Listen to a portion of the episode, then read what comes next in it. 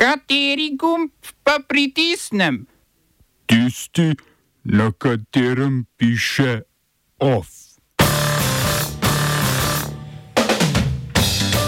Srbija, Panama in Kuwait, Zvezo držav Jugovzhodne Azije, sklenili trgovinski sporazum. Stavka javnih uslužbencev v Nigeriji zaradi naraščajočih življenjskih stroškov.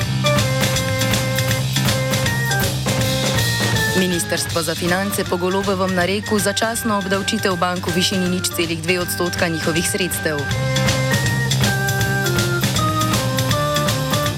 Parlamentarni odbor za pravosodje v uvedbi pojma grozeče insolventnosti. Zveza držav Jugovzhodne Azije, znana kot ASEAN, je na zasedanju v Džakarti s Srbijo, Panamo in Kuwaitom sklenila sporazum o sodelovanju. Gre za gospodarske sporazume, ki so del sporazuma o prijateljstvu in sodelovanju. Srpski zunanji minister Ivica Dačić je ob tem dejal, da ima Srbija z ASEANom letno za okoli 650 milijonov evrov trgovine, zaradi podpisa sporazuma pa bi lahko narasla na več kot 900 milijonov evrov letno.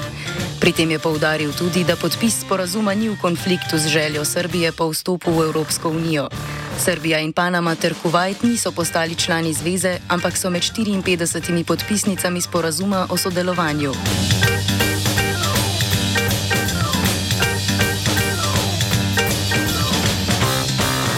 Evropsko sodišče za človekove pravice je odločilo, da je Srbija s tožbo tedanje pomožne zdravstvene ministrice kršila svobodo izražanja televizijske postaje B92. Na B92 so leta 2011 poročali, da je pri dobavi cepiv proti prašiči gripi Zorica Pavlović, tedaj zaposlena na zdravstvenem ministrstvu, zlorabila svoj položaj, zaradi česar jih je ministrica tožila za obrekovanje.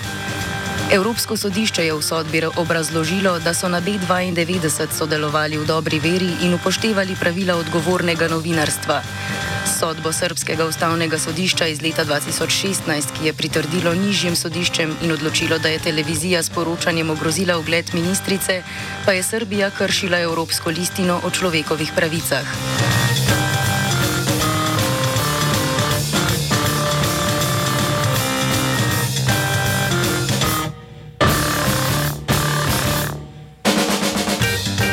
Italija in Saudova Arabija sta v Milanu sklenili trgovinski sporazum, ki ureja predvsem sodelovanje na področju energetike. Obenem se dogovarjajo tudi za saudsko investicijo v sklad Made in Italy, s katerim hoče italijanska vlada zmanjšati odvisnost od države, države od tuje proizvodnje. V sklad bo italijanska vlada letos uložila okoli 700 milijonov evrov, prihodnje leto pa predvidoma še 300 milijonov. Zaradi proračunskega primankljaja, s katerim se vlada trenutno spopada, pa so svoj pogled usmerili proti tujim investitorjem. Italijanski minister za industrijo Adolfo Urso je dejal, da se s Saudovo Arabijo dogovarjajo o njeni investiciji v sklad. Gre za zadnjega v seriji poskusov vlade Giorge Meloni za zbliževanje odnosov z zalivskimi državami. Italijo premijejka vidi kot glavno igralko v preusmerjanju evropske preskrbe z energijo od Rusije k Perzijskemu zalivu. V simbolični potezi italijanskega zbliževanja s Saudovo Arabijo si je žepe napolnil Roberto Mancini, ki je prejšnji teden postal selektor nogometne reprezentance Saudove Arabije. Zato je odstopil z položaja selektorja italijanske reprezentance.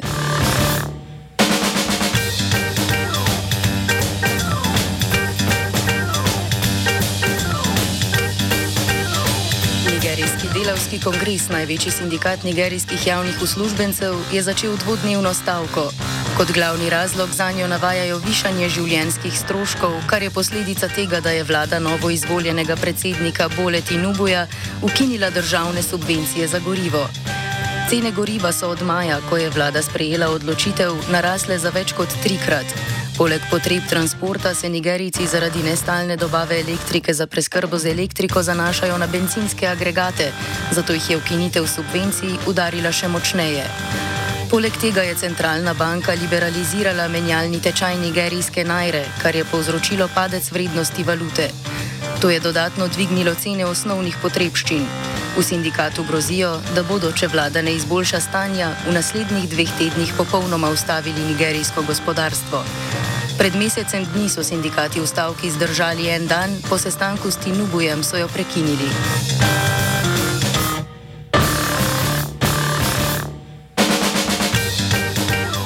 Emerson Mangagva je drugič prisegel kot zimbabvejski predsednik. To sledi avgustovskim volitvam, ki jih v zimbabvejski opoziciji označujejo za prirejene. Med njimi je prišlo do velikih zamud dostave glasovnic na volilna mesta, zato so volitve podaljšali za en dan. Mednarodni opazovalci in v opozicijski stranki Koalicija državljanov za spremembe menijo, da je bila tole krinka za prirejanje glasovanja. Kljub temu, se niso, se, kljub temu se niso odločili, da bi rezultate volitev izpodbijali na sodišču. Stranka Zimbabvejska Afriška narodna zveza, Patriotska fronta, iz katere je tudi aktualni predsednik, državi vlada vse od leta 1980, ko je Zimbabve formalno osamosvojil od Združenega kraljestva. Smo se osamosvojili, nismo se pa osvobodili. Naslednje število je še 500 projektov. Izpiljene modele, kako so se strani nekdanje LDS rotirali. Ko to dvoje zmešamo v pravilno zmes, dobimo zgodbo o uspehu. Takemu političnemu razvoju se reče udar. Jaz to vem, da je nezakonito, ampak kaj nam pa ostane? Brutalni obračun s politično korupcijo. To je Slovenija, tukaj je naša zemlja, to je Slovenija, Slovenija, Slovenija.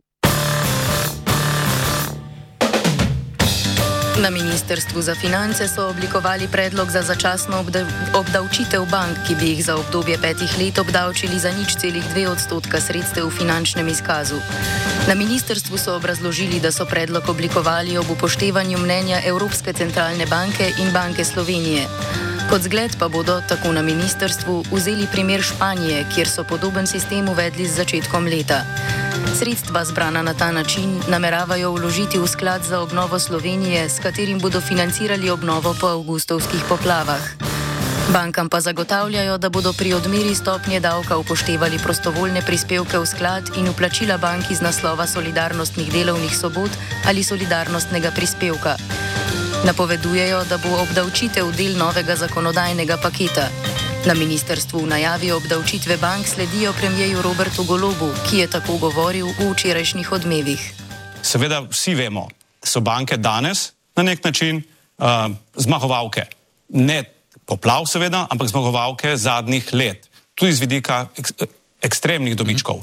In da, ne samo v Sloveniji, v celi Evropi se danes že uvajajo nove obdavčitve. Tudi Slovenija bo šla v to smer, tudi Slovenija bo upeljala obdavčitev. obdavčitev po bilančni vsoti bank. Glede tega, moram reči, da bo šlo za dogovor, šlo bo za, šlo bo za zakon. Mm -hmm. Najverjetneje bo to v zakonu o obnovi in razvoju. Tu noter bo obdavčitev bank, bilančnost bank v višini 0,2 odstotka. Ampak to je, to je znesek. Ali lahko obdavčite selektivno samo dobičke bank? To je dobiček, to je bilančna vsota. Bilančna vsota, to je premoženje.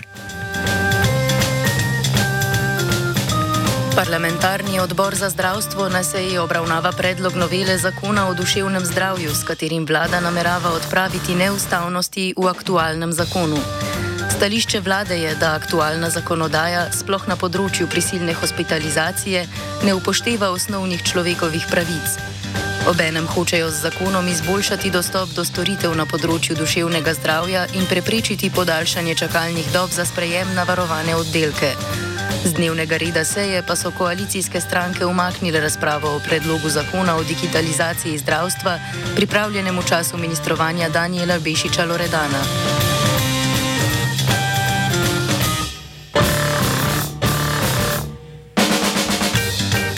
Odbor za pravosodje medtem razpravlja o predlogu novele zakona o finančnem poslovanju v postopkih zaradi insolventnosti in prisilnem prenehanju. Predlog zakona uvaja pojem grozeče insolventnosti kot položaj, v katerem dolžniku grozi, da bo v roku enega leta postal insolventen, torej dolgoročno plačilno nesposoben.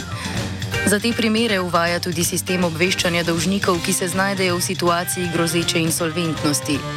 Za odpravo grozeče insolventnosti zakon uvaja postopek podoben prisilni poravnavi, a s to razliko, da ga lahko sproži le dolžnik. Za spremljanje insolventnosti predlog po, povsodstvom podjetij nalaga uložitev predloga za začetek postopka v enem mesecu po začetku insolventnosti. Za konec pa zakon uvaja še poenostavitev postopka prisilne poravnave za majhna podjetja, ki jim ne bi bilo treba predložiti poročila revizorja in ocenjene vrednosti premoženja.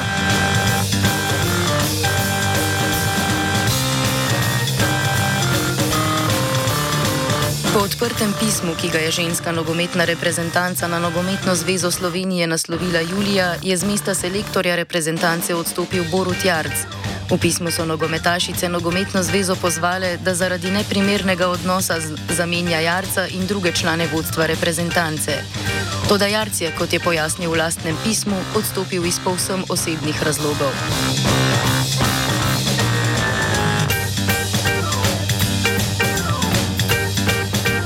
OF je pripravil Luka.